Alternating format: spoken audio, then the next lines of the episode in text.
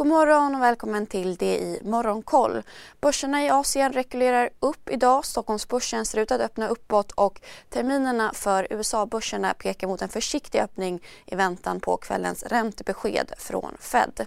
Tokyobörsen stiger 1,5% Shanghai och Shenzhenbörsen 3% och Hongkongbörsen rekylerar upp närmare 7% efter flera dagars förluster.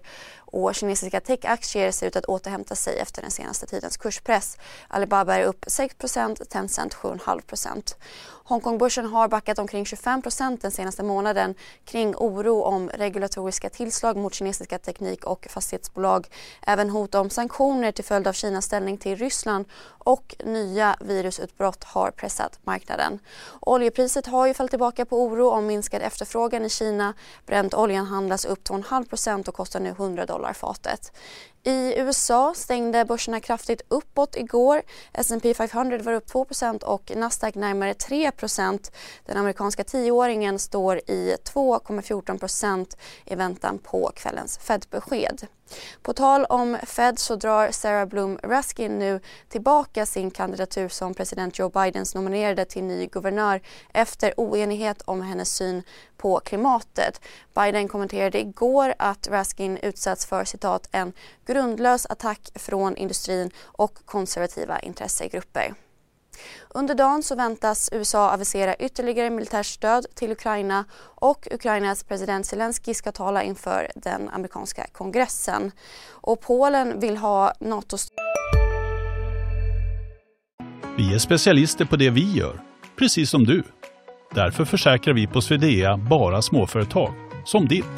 För oss är små företag alltid större än stora och vår företagsförsäkring anpassar sig helt efter firmans förutsättningar. Gå in på swedea.se företag och jämför själv. Styrke till Ukraina, det meddelar ledaren för Polens regeringsparti Lag och rättvisa. Så bolagsnyheter. EU har godkänt Amazons jätteförvärv av MGM Studios för ett värde om motsvarande 810 miljarder kronor. Och nu bekräftar svenska Spotify att bolaget blir huvud och arenasponsor för FC Barcelona under fyra år framöver med start nästa säsong. Det innebär bland annat att Spotify kommer att synas på lagtröjor och arenan få ett sponsrat namn för första gången. Ekonomiska detaljer kring avtalet är inte känt men enligt nyhetsbyrån AFP ska det vara värt omkring 300 miljoner euro motsvarande 3,2 miljarder kronor fördelat över de fyra fyra åren. Mer svenska bolagsnyheter. Embracer ska skänka minst 5 miljoner dollar i humanitärt bistånd med anledning av kriget i Ukraina under det kvartal som slutar den 31 mars vilket kommer att belasta det operativa rörelseresultatet under perioden. Och Fasadgruppen tar in kring 420 miljoner kronor i en emission som gjordes till nästan 9% rabatt. Teckningskursen blev 140 kronor och pengar ska enligt bolaget användas till en fortsatt aktiv förvärvsagenda. Och diabetesbolaget Diamyd Medical har öppnat den första kliniken för rekrytering av patienter till bolagets fas 3-studie för behandling av typ 1-diabetes. Under dagen så ser vi fram emot tal från Riksbanken Stefan Ingves klockan 12. Även Fed-möte ikväll klockan 7 svensk tid. Och mer nyheter hittar ni som vanligt på sajt.